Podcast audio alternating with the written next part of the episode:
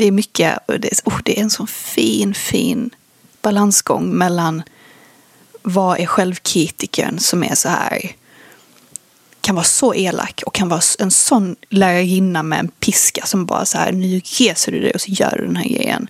Mm. Och att så här bortse från lärarinnan som potentiellt kan egentligen vara ego in drag liksom. Mm. Och bara så här slappna av, surrender. Surrender to your mission. Exakt.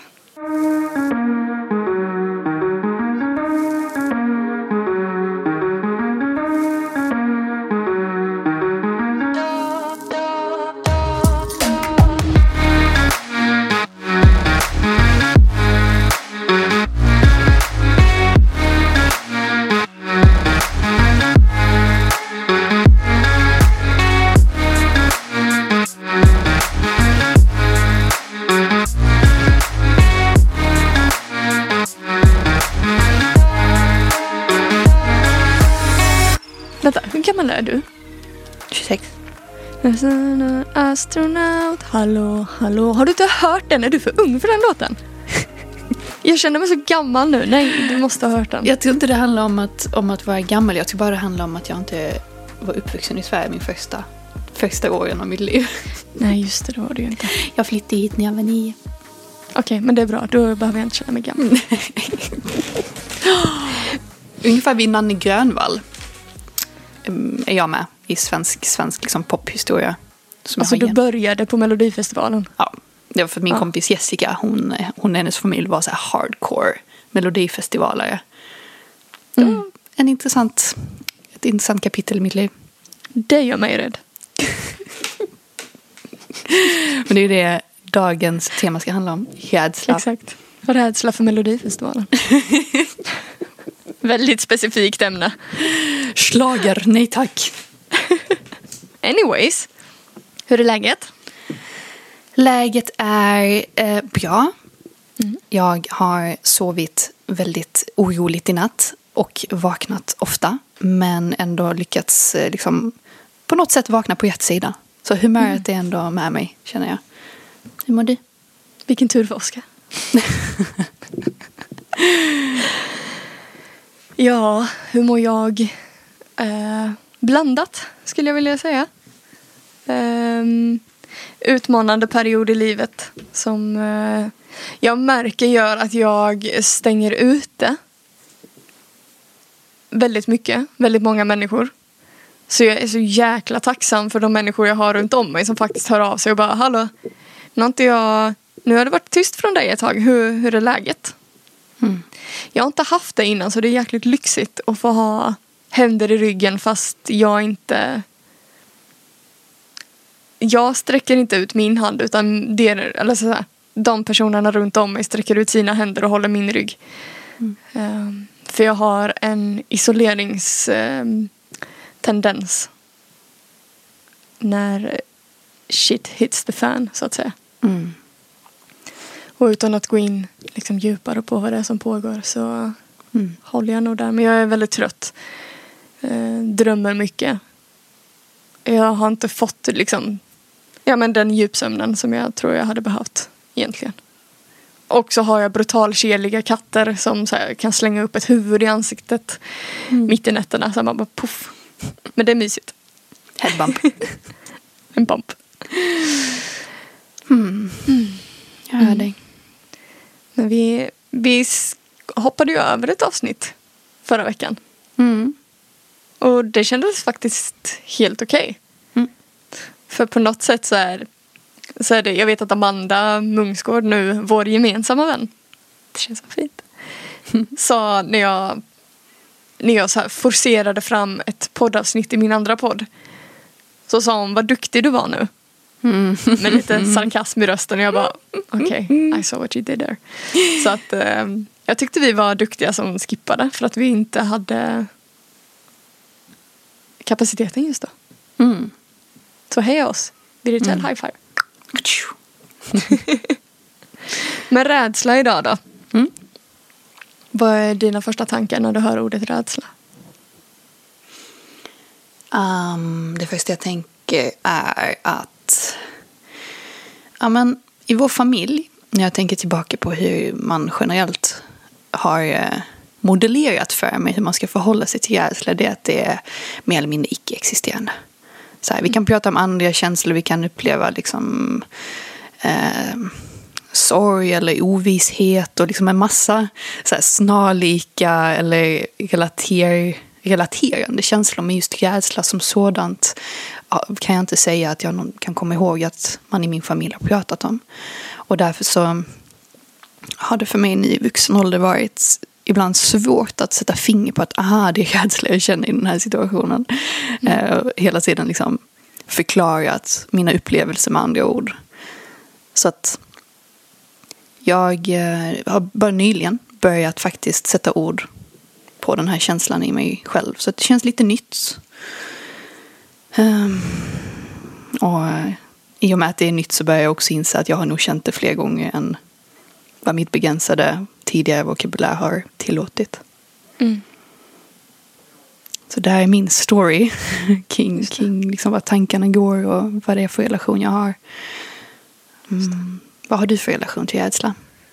Jag tror jag bara vill tillägga först att jag är så fascinerad över att beroende på vilken familj man växer upp i så är det så här vissa känslor som man inte riktigt, eller man, om jag säger man, eh, inte har tagit i riktigt. Som i din familj så är det rädsla. Eh, det har slagit mig det senaste året att jag har haft sjukt mycket ångest under min uppväxt. Men jag har trott att det varit magverk. Mm. I och med att det sitter i samma eh, area för liksom. mig. Liksom. Ja men precis. Och att jag, jag har inte fått lära mig vad ångest är för någonting. Mm. Det kanske är till och med så att mina föräldrar inte heller har vetat vad ångest riktigt är på det sättet och vart det sitter. Men eh, jag tycker det är intressant att så här, vissa har inte eh, liksom rört sorg, vissa har inte rört, rört rädsla och så vidare och så vidare. Så jag tycker det är, ganska, det är fascinerande hur, hur olika vi är men mm. ändå så lika på något sätt. Alla. Det är häftigt. Mm. Men min relation till rädsla. Jag har haft väldigt mycket rädsla under min uppväxt. Så rädsla av eh, att bli utelämnad, rädsla för att mina föräldrar inte ska leva tillsammans längre, rädsla för att eh, något ska hända någon jag tycker om. men så standard eh, som jag tror de flesta har. Mm. Och så extrem rädsla för mörker, räd, alltså även inomhus. Så jag har alltid vuxit upp med en tv som går i bakgrunden. För att jag har, då får jag känslan av att jag inte är själv i rummet. Just det. Sen har jag nu på senare år så har ju mer en existentiell rädsla börjat uppstå. Så här, rädslan av att eh, missa saker. Eh, rädsla för att bli äldre. Men den har ju skiftat över att jag tycker det är asnice att bli äldre nu. För då får jag mm. mer, det är mer erfarenhet i livet. Liksom. Jag och, tänker, och, ja, säg. Men jag ska tillägga bara, och också att rädsla för mig har börjat bli kopplat till det vi inte vet. Eller det jag inte vet och mitt kontrollbehov. Att när jag inte vet vad the outcome kommer vara så blir jag rädd och ångestfylld och orolig och ängslig. Mm. Och då är det lätt att jag tappar tilliten istället och acceptans och flowet. Och anledningen till att jag kan prata om det på det här sättet nu det är för att det är så nära mig just nu. Ja, det är så mycket tankar. Det är så många, mm. så många ingångar ja, i det du berättar som öppnas upp i mitt sinne. Mm. Det första jag tänker är att du ser, har växt upp med tvn i bakgrunden. Jag kan känna igen den fast ha tvättmaskinen i bakgrunden. Ah. Jag kommer ah. ihåg att som liten så här, gå och lägga, gå och lägga mig. Och så i och med att jag till stor del växte upp med ensamstående mamma som kom hem från jobbet sent och så vidare så kan jag komma ihåg hur liksom, tvätten den gick igång jättesent. Tvätten och diskmaskinen liksom, och så fick de puttra där i bakgrunden. Det var så invaggning av, uh, av kvällen väldigt ja, motsatsen till rädsla. Mm. Det var trygghet, det var mm, en känsla av eh, behag. Att veta att man är hållen mm. av den här hypnotiserade, hypnotiserande eh, melodin av maskiner. Intressant. Just det. Mm. Och jag tänker också att det här med att vilka, vilka känslor, eller att förmågan att sätta ord på specifika känslor under ens uppväxt. Att eh, jag hörde säga att ångest var till exempel inte närvarande som, som, ett, som ett ord som man liksom använde. Och det kan jag också mm. känna, ångest var inte heller en del av min uppväxt som ord. Mm. Och ja, det får mig också att fundera på, kan det vara så att, och nu provsäger jag det här, jag har ingen aning egentligen, men mm. kan det vara så att rädsla i sin essens är så att säga den råare, liksom den känslan som är no några våningar ner och så är ångest mer som ett, liksom, en efterkänsla för att man har varit med om någonting som har varit fyllt av rädsla och sen vet man, nu pratar jag också i bandtermer, men då, då, då är det precis som att kroppen är beredd på samma sorts rädsla och det manifesteras i form av mm. ångest. Jag vet inte. Jag kan se det hållet. Men jag kan också se åt andra hållet. Att mm. få ångest för rädslan innan rädslan ens har kommit. Det här tänk om, katastroftänket. Mm. Liksom. För jag har ett extremt katastroftänk och jag vet min mamma jobbade jättemycket natt när jag var liten.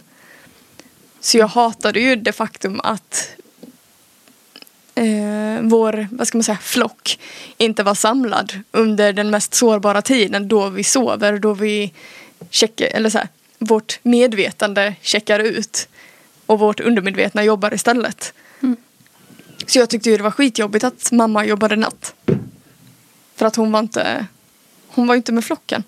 Alltså kollar man definitionen på, på rädsla så är ju det, förstå mig rätt, bara en känsla. Och det, om, då kan vi också gå tillbaka till um, att det är ett, en skyddsmekanism också. Mm. Som vi behöver, jag tror vi medvetet behöver tänka kring rädsla. Så är det verkligen något farligt eller är det inte farligt? Sen tror jag det är bra att ha rädsla också för det skyddar oss för att inte göra så här, helt sjuka grejer. Jag vet det finns en dokumentär om en tjej som inte känner rädsla överhuvudtaget. Och hon kör ju alla extremsporter och hon får ju ha personer som bara, nej men vänta nu det här är farligt. Det här, du kan dö om du gör detta. Mm. Så att det är ju en skyddsmekanism men ibland kan den ta över. Och också att det hindrar en från att kanske göra de val i livet som man vill göra eller som, som kan göra att man kommer till nästa steg i livet. Men att det håller tillbaka en för att man vet inte vad som kommer hända om man gör det här valet. Nu pratar jag väldigt mycket man. Men så är det för mig i alla fall. Jag tycker också att det är intressant att Ja, nu är den här tjejen ett extremfall om att inte liksom ha nära till rädsla överhuvudtaget. Men jag kan tycka att det är en det är en väl värd eh, investering i sig själv. det har varit i mig själv att um, ta en riktig funderare på hur jag proaktivt kan arbeta med de stunder som jag blir väldigt rädd. Ehm, jag märkte för en tid sedan att jag, jag, var med om, om någonting ehm, som, som på daglig basis kändes eh, läskigt. Alltså jag, jag kunde gå på stan och jag kunde helt plötsligt känna den här känslan bubbla upp. Och det finns säkert briljanta forskare och psykologer som hade kunnat förklara det med andra nyanser än just rädsla. Men rädsla för mig var närvarande på daglig basis. Och det jag märkte hände i min kropp framförallt eh, var att eh, jag gick in i, så här, i paralys när jag kände den här rädslan komma krypandes i ögonvrån och sådär och, och börja ta över mig så kände jag det väldigt, väldigt fysiskt. Och ja, sen är det ju så klassisk, eh, i klassisk teori, fight, flight, freeze. Mm. Och då fick jag, fick jag lära mig den informationen om mig själv att, att jag är just i det här läget lagd åt hållet att freeze, att gå in i paralys. Mm. Så då pratade jag med en av mina en av mina lärare som, eh, som, jag, som jag var väldigt tacksam för att ha nära just den tiden. Och då sa hon att eh, men prova i den här paralysen, prova eh, röra på kroppen med så här små mini, minirörelser. Bara så här mm. signalera att hallå, det är okej, okay, du är okej. Okay. Och när du känner att du börjar, när, när din ande liksom har kommit ner i kroppen igen lite grann, så börja använda dina ord. Säg så här, jag är rädd, jag känner ångest. Jag har det här katastroftänkandet. Och för, för då tyckte jag, så som det landade i mig när hon gav mig det här tipset, det var att genom att jag först och främst tar hand om min fysiologi, det vill säga att jag, jag kommer hem till det djuriska, jag, jag säger jag plockar hem mig själv. Och när min hjärna börjar så smått komma igång igen, att mm. jag förlöser den här energin. Så här, jag, jag, jag släpper den utanför min kropp genom att sätta ord på det. För att det är när jag kan sätta ord på det som jag kan transformera det in i en ny känsla. Och det är mm. i slutet av hela den här processen precis det jag vill guida mig själv genom. Jag vill, jag vill ta mig själv från ett uppenbart tillstånd till ett annat, till ett tredje, till ett fjärde och så småningom mm. liksom, huh, kunna börja springa på savannen igen.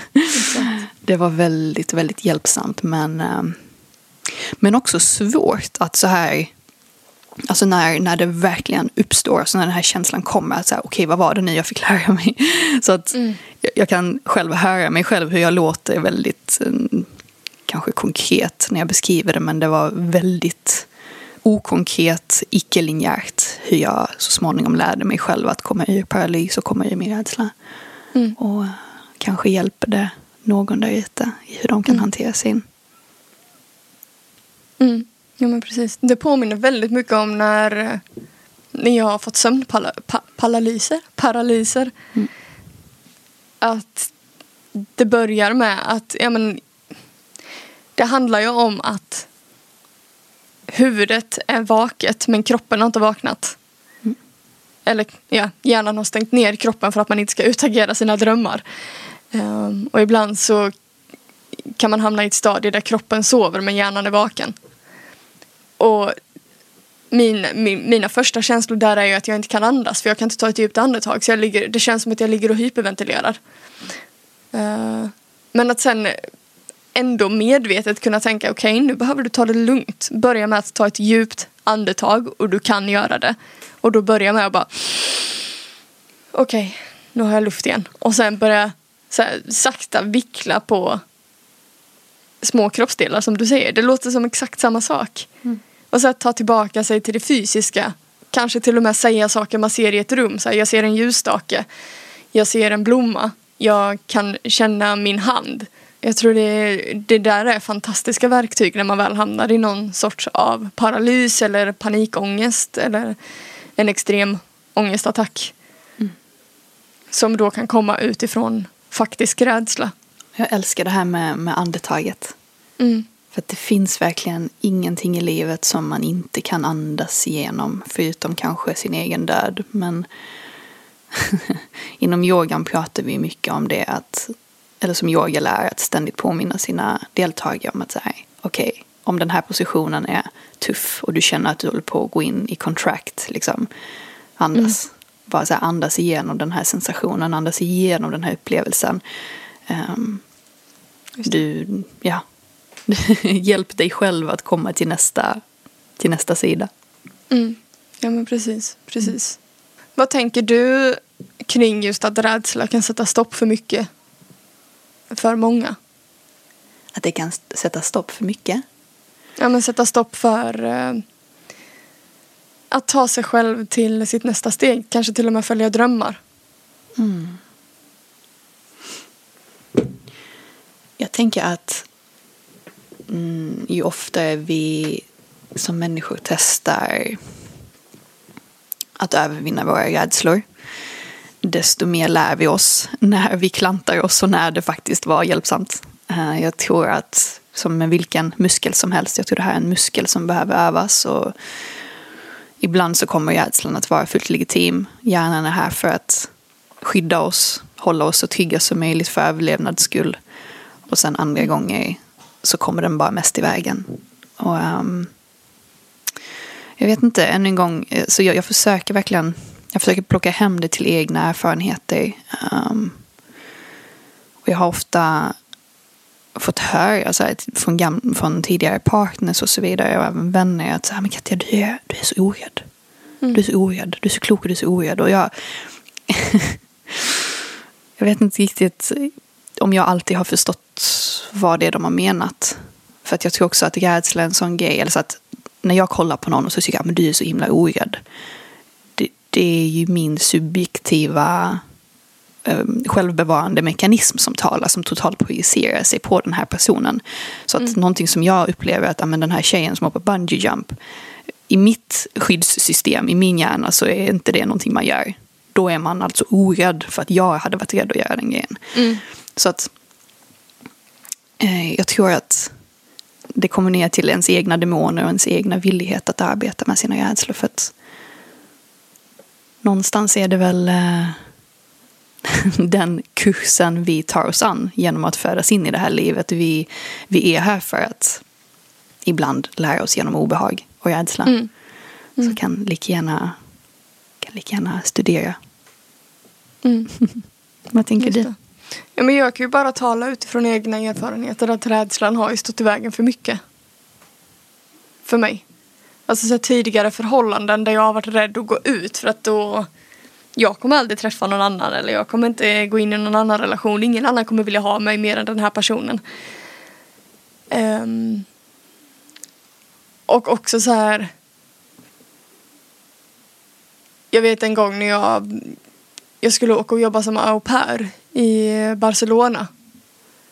Och det var verkligen någonting jag ville göra och det var så här, jag var så jäkla taggad. Tills det började närma sig och jag insåg att jag började, eller jag, jag har insett det nu i efterhand, att jag började hitta på ursäkter. Att, eh, ja men till exempel familjen kändes sketchy. Och då borde jag inte åka för jag känner dem ju inte. Så jag valde att stanna hemma. Medan det kunde ju blivit den mest eh, fantastiska tiden i mitt liv. Men sen så tänker jag också att ja, okej. Okay, utvecklings... Vad ska man säga? Utvecklingsfasen eller utvecklingskurvan. Vissa kanske är mer orädda, andra är mer rädda. Men då är det också den tiden det behöver ta. Men när vi börjar bli medvetna så kommer vi också kunna bearbeta rädslan på ett annat sätt. Lite som att den kanske, alltså oftast inte är sann. Att det är en illusion uppbyggd i huvudet. Ett kontrollbehov som jag sa innan. Jag är ju en person som ofta har levt i framtiden. Att så här, jag vill veta hur saker och ting ska bli. Om jag tar det här jobbet, vad innebär det för mig i framtiden? Eller om jag väljer att börja plugga det här, vad gör det för mig i framtiden? Eller vad, om jag väljer att plugga någonting annat. Jag är en ältare och en eh, som har svårt att ta beslut. För att jag tänker på alla olika slutscenarion. Och det har ju med kontrollbehov att göra. Och det finns en del i mig är så jäkla trött på den delen. Att så här, du behöver inte veta allting, var nyfiken på vad som skulle kunna hända istället. Eh, men bara att jag har den i medvetandet nu tror jag gör att jag är på en resa av utforskande, av nyfikenhet. Um, och sen vet jag att det är vissa som har sagt ja men du är så modig som har startat podd eh, och nu eh, kör du stora syster också med Katja och eh, kvinnocirkeln, det är modigt. Men för mig så är det någonting som jag tycker är så spännande. Så det har ju ingenting med rädsla för mig att göra. Det kanske i så fall är rädsla av att jag kanske ska säga någonting konstigt helt skitfel i podden. Men ja, uh, nej. Jag vet inte. Det, det är jag inte rädd för i alla fall. Och det är det jag menar med att det finns så många olika perspektiv också på vad rädsla är. För att den är så olika beroende på vad du är för människa. Mm. Och också där hur vi kan ta hjälp av varandra och få perspektiv på den rädslan vi faktiskt har. Så här, jag är rädd för att börja plugga på den här linjen för jag vet inte vad som kommer hända. Okej, okay, här kommer någon som har pluggat hur mycket som helst och bara tar för sig. Vad är det värsta som kan hända? Um, mm. Mm. Jag tycker också att det är hjälpsamt att påminna sig själv ständigt att samhället vi lever i oavsett vilket land i världen så är vi under ett system som är designat för att vi ska vara rädda. Vi ska vara rädda för våra upplevelser. Vi ska vara rädda för att vara för mycket. Alltså så här, vi ska, jag, ska, jag ska ta ner det lite. Som till exempel när vi konsumerar. Alltså vi konsumerar prylar som har olika nödvändighetsgrad. För att vi annars tror att vi inte kommer, liksom, vi kommer inte passa in i flocken eller vi kommer mm. bli utfrysta eller um, vi är inte liksom, fina, snygga nog. Och det, det, det är väldigt det, det är liksom en nykter aktivitet. Alltså det är förnyktrande att bara påminna sig själv om att vi, vi är i... Så matrixen är designad för att vi ska vara rädda.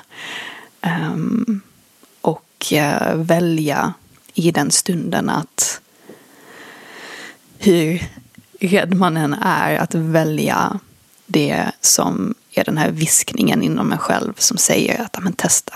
Eller så här, gå din egen väg. Mm. Gör det på ditt eget sätt. Prova. Uh, och den, är, den lilla viskningen är ibland svår att höra när det är så många andra gapiga röster som säger att en inte är tillräcklig och en behöver vara rädd för det ena och det andra. Mm. Ja, hur jäkla lätt ska det vara att kunna lyssna på sin egen röst när det är så mycket skrik runt omkring? Mm. Det är inte konstigt att det är mycket tankar i huvudet samtidigt. Mm. Detta, detta, detta, detta, detta, detta. Det är liksom... Distraktioner, absolut. Yeah. Allt ja, för att, alltså, sök utanför, sök utanför. Kolla absolut inte inåt. För där bor mm. den här läskiga grejen som heter kärlek. Och välj inte den utan välj rädsla. Kolla utanför dig själv. Exakt. Uh, för jag tror, jag har nämligen en, jag har det på känn att det som viskningen säger. Om jag i mig själv vet att det mina intentioner är rotade i nyfikenhet, um, kärlek så, så så är det en viktig indikation på vad jag behöver göra för att bjuda in mer kärlek i mitt liv. Mm, exakt. Det är en magkänsla som i alla fall jag har som jag tror är inbyggd i alla människor. Mm. Jo men jag tror absolut den finns i alla. Mm. Sen är den mer påkopplad hos vissa och mer undantryckt hos andra. Um, men nu när vi pratar om det här med att liksom känna in vad som är rätt och inte känna rädslor jag har börjat titta på animefilmer. Och jag, börjat, alltså jag älskar det verkligen. Så för några veckor sedan så kollade jag på The Tale of the Princess of the Princess Kaguya. Jag vet inte om jag uttalar den rätt. Men den är helt magisk. Och det handlar ju om liksom en, en tjej som ja, men hon är ett eh, rent och skärt barfotabarn. Hon älskar att vara i naturen, vara i kontakt med naturen, vara i kontakt med människor. Uh, men hennes uh, styvpappa eller pappa, han hittar henne ute i skogen och så tar de hand om henne. Uh, och hon är, hon är magisk, hon har någon magisk kraft i sig för hon kommer från naturen. Jag ska inte säga för mycket. Månfolket. Ja. Uh, och hennes pappa vill ju då att hon ska flytta ner till stan och hon ska bli eh, en fin flicka och assimileras in i den kulturen. Och hon bara känner ju hur fel det känns och hon blir deprimerad, hon blir ledsen av att hon går emot det som faktiskt brinner i henne. Ehm, jag tror jag kommer spoila mer om jag berättar mer men jag tror jag fick ut det jag vill få ut ur det jag berättade. Men jag kan verkligen tipsa om att se den, den finns på Netflix. Och jag tycker bara den är så himla bra. Den tyder på hur vi borde lyssna in på oss själva mer. Än att bara lyssna på rösterna runt omkring och vad andra vill att vi ska göra.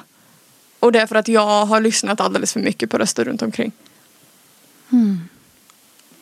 Vilka röster skulle du säga har varit de svåraste? Jag tror jag skulle vilja säga samhällsnormer. Hur samhället är uppbyggt. Och sen vet jag att så här, det, jag, det, finns en del av mig som säger men du kan inte skylla på samhället. Men eh, det är ju den bilden. Så här, gå färdigt gymnasiet. Sen ska du börja plugga. Sen ska du börja jobba. Sen ska du hitta din livskärlek som du ska spendera hela livet med.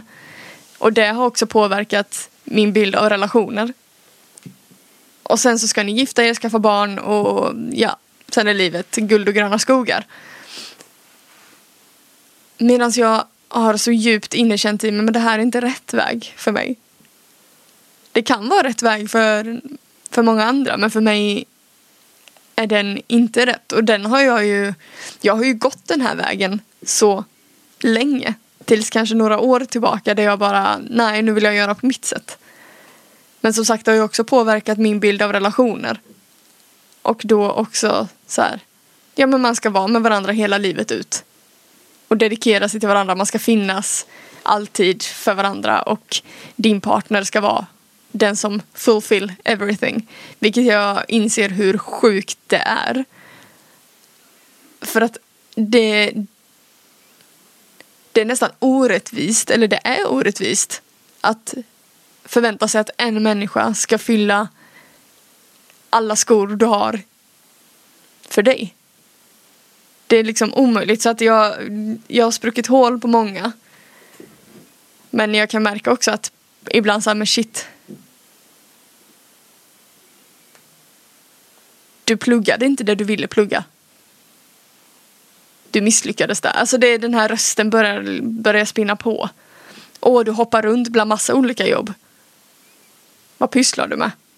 Ska du inte stadga dig? Du fyller 30 år. Ehm, så den rösten kan vara väldigt närvarande. Även om den börjar, den börjar sina ut. Liksom. Mm. Vilka röster har varit mest närvarande för dig? Mm. mm min mamma har mm. varit uh, en stor influens.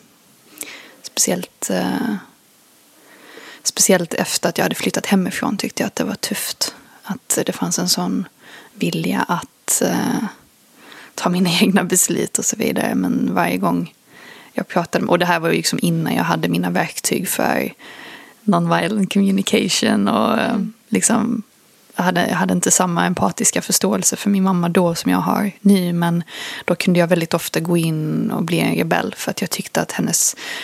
Alltså, jag, jag, jag upplevde så starka känslor kring att observera vilken, vilket intryck hon hade på mig. Och att mm. även om jag hör henne säga någonting, eh, föreslå en riktning som inte jag håller med om, som jag borde ta i mitt liv, så, kan jag, så, så är det precis som att jag, jag betraktar mig själv från en tredje part och bara ser hur Katja så här viker sig. Och den här tredje parten bara rage. Jag bara, vad så här, alltså blir riktigt, riktigt förbannad för att jag ser, jag ser hur, inom citationstecken hur svag jag är för den här influensen. Mm. Um, men jag har, både jag och mamma har jobbat på det här tillsammans och idag har vi hittat en fin balansgång. Um, men under en lång tid så, och fortfarande skulle jag säga till en viss, det är klart det, är klart det kommer åt mig, men mm. jag kan hålla mig själv bättre i det. Mm. Så det är en röst. Um, en annan röst som bara kommer till mig spontant nu, det var ett gammalt förhållande som jag var i där um, det är så roligt hur jag till en början verkligen tycker om liksom det här draget i, eh, i, min, i, min, i mitt ex som är så här uh, lite di direktivt. Liksom det är så här, hit ska vi. Liksom mycket mm. av den maskulina kvaliteten. Och sen så är det så intressant hur någonting som till en början var attraktivt till slut förvandlas till att bli uh, på tok för styrande uh, för min... och det upptäcker jag ju i den speglingen som han ger mig. Att shit, det är ju väldigt viktigt för mig att ta mina egna beslut. Och om jag inte lärde mig det i relation till min mamma i den speglingen så får jag ännu en gång lära mig den i, i, i relation till den här den här partnern som jag hade. Um, mm. Och det var, skulle jag säga, en av uh, nyckelanledningarna till varför det så småningom inte funkade. Mm. Just det. Så att, uh, ja men uh, så här, människor som kommer nära in på livet kan jag ibland mm. vika mig för lite. Men mm. även det blir jag bättre och bättre på. Mm. Samhället har inte liksom, ja, det, kan, det kan vara så att samhällets påverkan är mer som en osynlig kraft. Men det är ingenting som jag i den här stunden känner att jag kan pinpointa. För att jag kommer ihåg så tydligt när vi precis hade flyttat till Sverige, jag och mamma. Och jag, jag hade precis fyllt nio den våren. Och jag, jag har varit den här...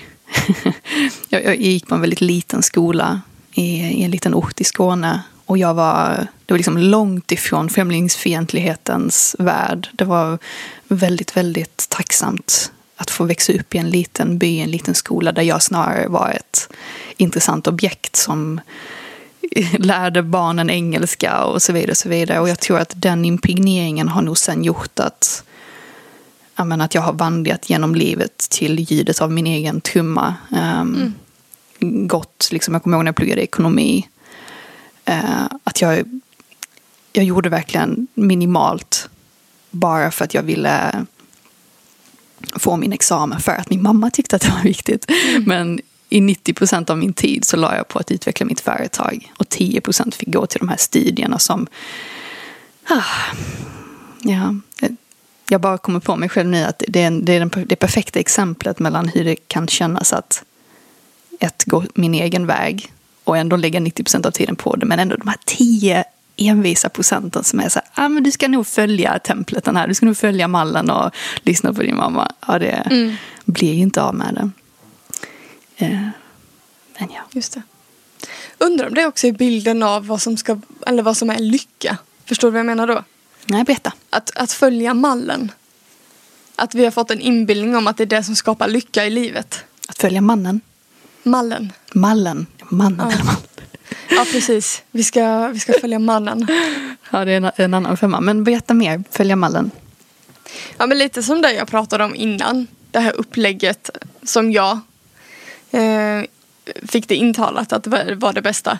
Eller som jag intalade mig själv. Eh, utbildning, ja men hela den raddan. Eh, för jag trodde ju att okej, okay, när jag har ju pockat av alla de här, då kommer jag vara lycklig. Vilket inte är överhuvudtaget sant. För återigen så är vi individer som är så otroligt, otroligt, otroligt rörliga. Och att det centrala, jag har tänkt jättemycket på det här nu de senaste dagarna, men att det centrala för att känna sig ändå lycklig, att känna meningsfullhet. Och då är det ju verkligen att känna in vad är meningsfullt för mig. Men att inbildningen av lycka är alla de här, vad är det vi kallar det i Sverige? Volvo, villa. Vove. Ja. Vad tänker du när jag säger det? Jag tänker att, som vi pratade om för några avsnitt sedan, vi är ju båda lite sugna på både villa och kanske vovve. Volvo mm. vet jag inte men alltså det, jag tror det kan finnas en del visdom i mallen också. För mm den direkta majoriteten. Och jag tror, jag tror att den, den överväldigande majoriteten vill nog bara leva ett gott, balanserat, lagom liv. Och det är mm. inte mer än en mänsklig rättighet att få lov att leva ett sånt liv tycker jag. Men det är just när det kommer till de som kanske antingen vill ha ett kapitel i sitt liv där så här, men jag gör saker på ett lite annorlunda sätt. Mm. Eh, eller för de som vill leva ett helt liv som är på ett helt annat sätt. Att det är just för mm. dem som förutsättningarna Alltså de förutsättningarna är inte designade för de här människorna. Så att vem vet, kanske är det så att det jag försöker säga är att ja, låt oss ha kvar mallen för den som inte känner en impuls att avvika. Men låt oss också ta höjd för den som vill avvika. Som, för jag menar i slutet av dagen, vilken innovatör eller eh, provokatör som liksom har pushat fram tankemodeller i samhället. Vilka av dem har inte varit utanför mallarna? Och hur kan vi mm. se till att även de här människorna kan göra sitt bästa jobb, sin, sitt bästa avtryck? Som i slutet av dem som ett bidrag till samhället. Um, mm. Hur kan vi bättre ta hand om dem? Just uh, så att där går mina tankar. Mm. Och jag tänker att också så här det ena behöver inte utesluta det andra. Exakt. Um, och att vara lagom är ju högst relativt också. Lagom för mig kan ju vara helt annorlunda än vad lagom för dig är. Exakt. Vi kanske borde starta upp, eller det finns väl typ, bara kanske inte så konkret. Uh, jag tänker typ Harry Potter, där har de ju samhället men sen har de Hogwarts. Som är för de som kanske är mer, jag vet inte vad man ska kalla dem, magiska. Just. Uh, men det finns ju sådana skolor också. Mm. Då tänker jag inte magi utan att få ja, men plugga saker som plugga eller utveckla sig i saker som ja, men i vår värld kanske är lite mer uppkopplat. Mm. Ja, och eh, jag vill bara kasta in den här curveballen också. Medborgarlön är också någonting som Exakt. jag personligen tycker är en superbra idé. Mm. Um, inte minst på tal om det vi pratade om tidigare, att den här vilda flickan som vill bo ute i skogen och liksom göra de här magiska sakerna.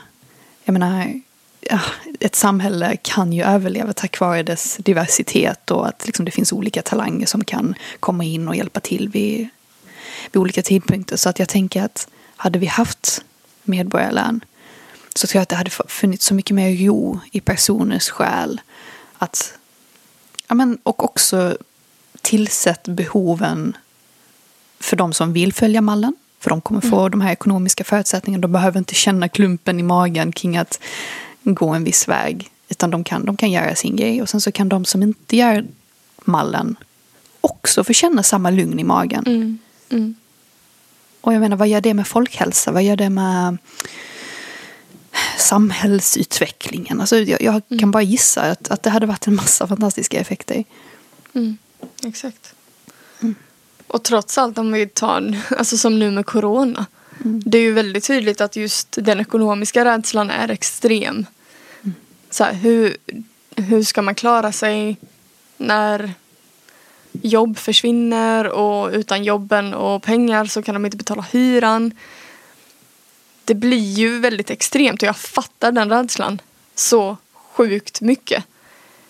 Eh, så jag är, också, alltså jag är också för medborgarlön och det gör ju också att ja, men kanske fler personer kan fokusera på det som ger dem energi istället för att gå till ett jobb som de in, in i benmärgen verkligen hatar men de måste göra det bara för att mm bring food to the table. Liksom. Mm. Jag tänkte vi, eftersom att temat handlar om rädsla idag. Mm. Jag är nyfiken på om vi skulle kunna göra ett litet experiment i det här avsnittet. Spännande. Se vad du tycker. Läskigt. Vad sägs om att från den här sista delen av avsnittet att vi ställer varsin fråga till varandra som kanske väcker lite rädsla i den andra.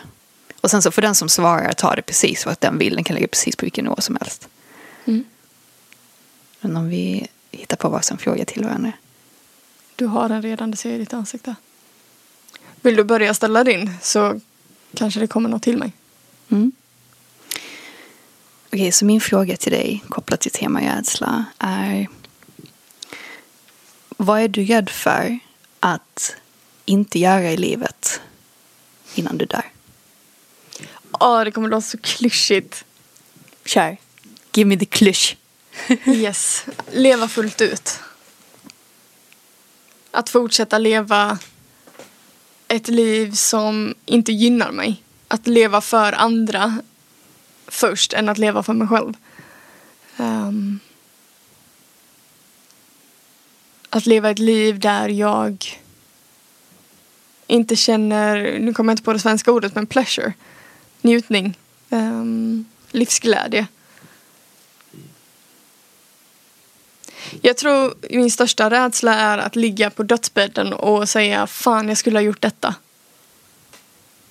Eller jag skulle ha gjort detta. Min dröm är ju typ att ligga, alltså nästan innan jag dör, känna så här fan vad jag är nöjd nu, jag känner mig klar. Um, ja, det är nog de, det är nog, det är nog främst de. Rädslan för att inte leva ett fullt liv. Och då kan jag börja tänka på så här. Ja ah, men det finns ju massa tid. Sen kommer den andra tanken. Hallå. Den tiden kommer ta slut någon gång. Så. Ta tag i det. Och där kan jag också. Där kommer ju min otålighet in. Att så här. Okej okay, då måste allting hända exakt just nu. Men det är ju det som är magin med livet. Att låta det ske Liksom. Att låta jag fattar också vilken, vilken gåva att vara lite otålig. Att ha det som ett drag. Att säga Hallå! Du borde göra den här grejen som du vet är sann. Just det. Och jag, jag skriver upp volymen. Jag vill att du ska göra det idag för att jag verkligen, verkligen vill att du ska göra det. Mm, jag vet. Vi pratade om det här om dagen, det här med otålighet. Det var ett ja. intressant samtal. Det kan ju också vara ett poddavsnitt. Mm. Fan jag gillar den frågan. Det är nästan så att jag vill ställa tillbaka den till dig men då känner jag mig tråkig att jag ställer samma fråga Nej, till dig. Nej, gör det då. Jag har ett Då ställer jag samma fråga till dig. um, någonting som som jag har burit med mig så länge jag kan minnas. Och jag skulle också vilja vara så pass dramatisk och säga att det är nog min enda rädsla. För som person så är jag annars väldigt framåtlitad, visionär och jag, jag, vill snarare till saker än att jag vill bort från saker.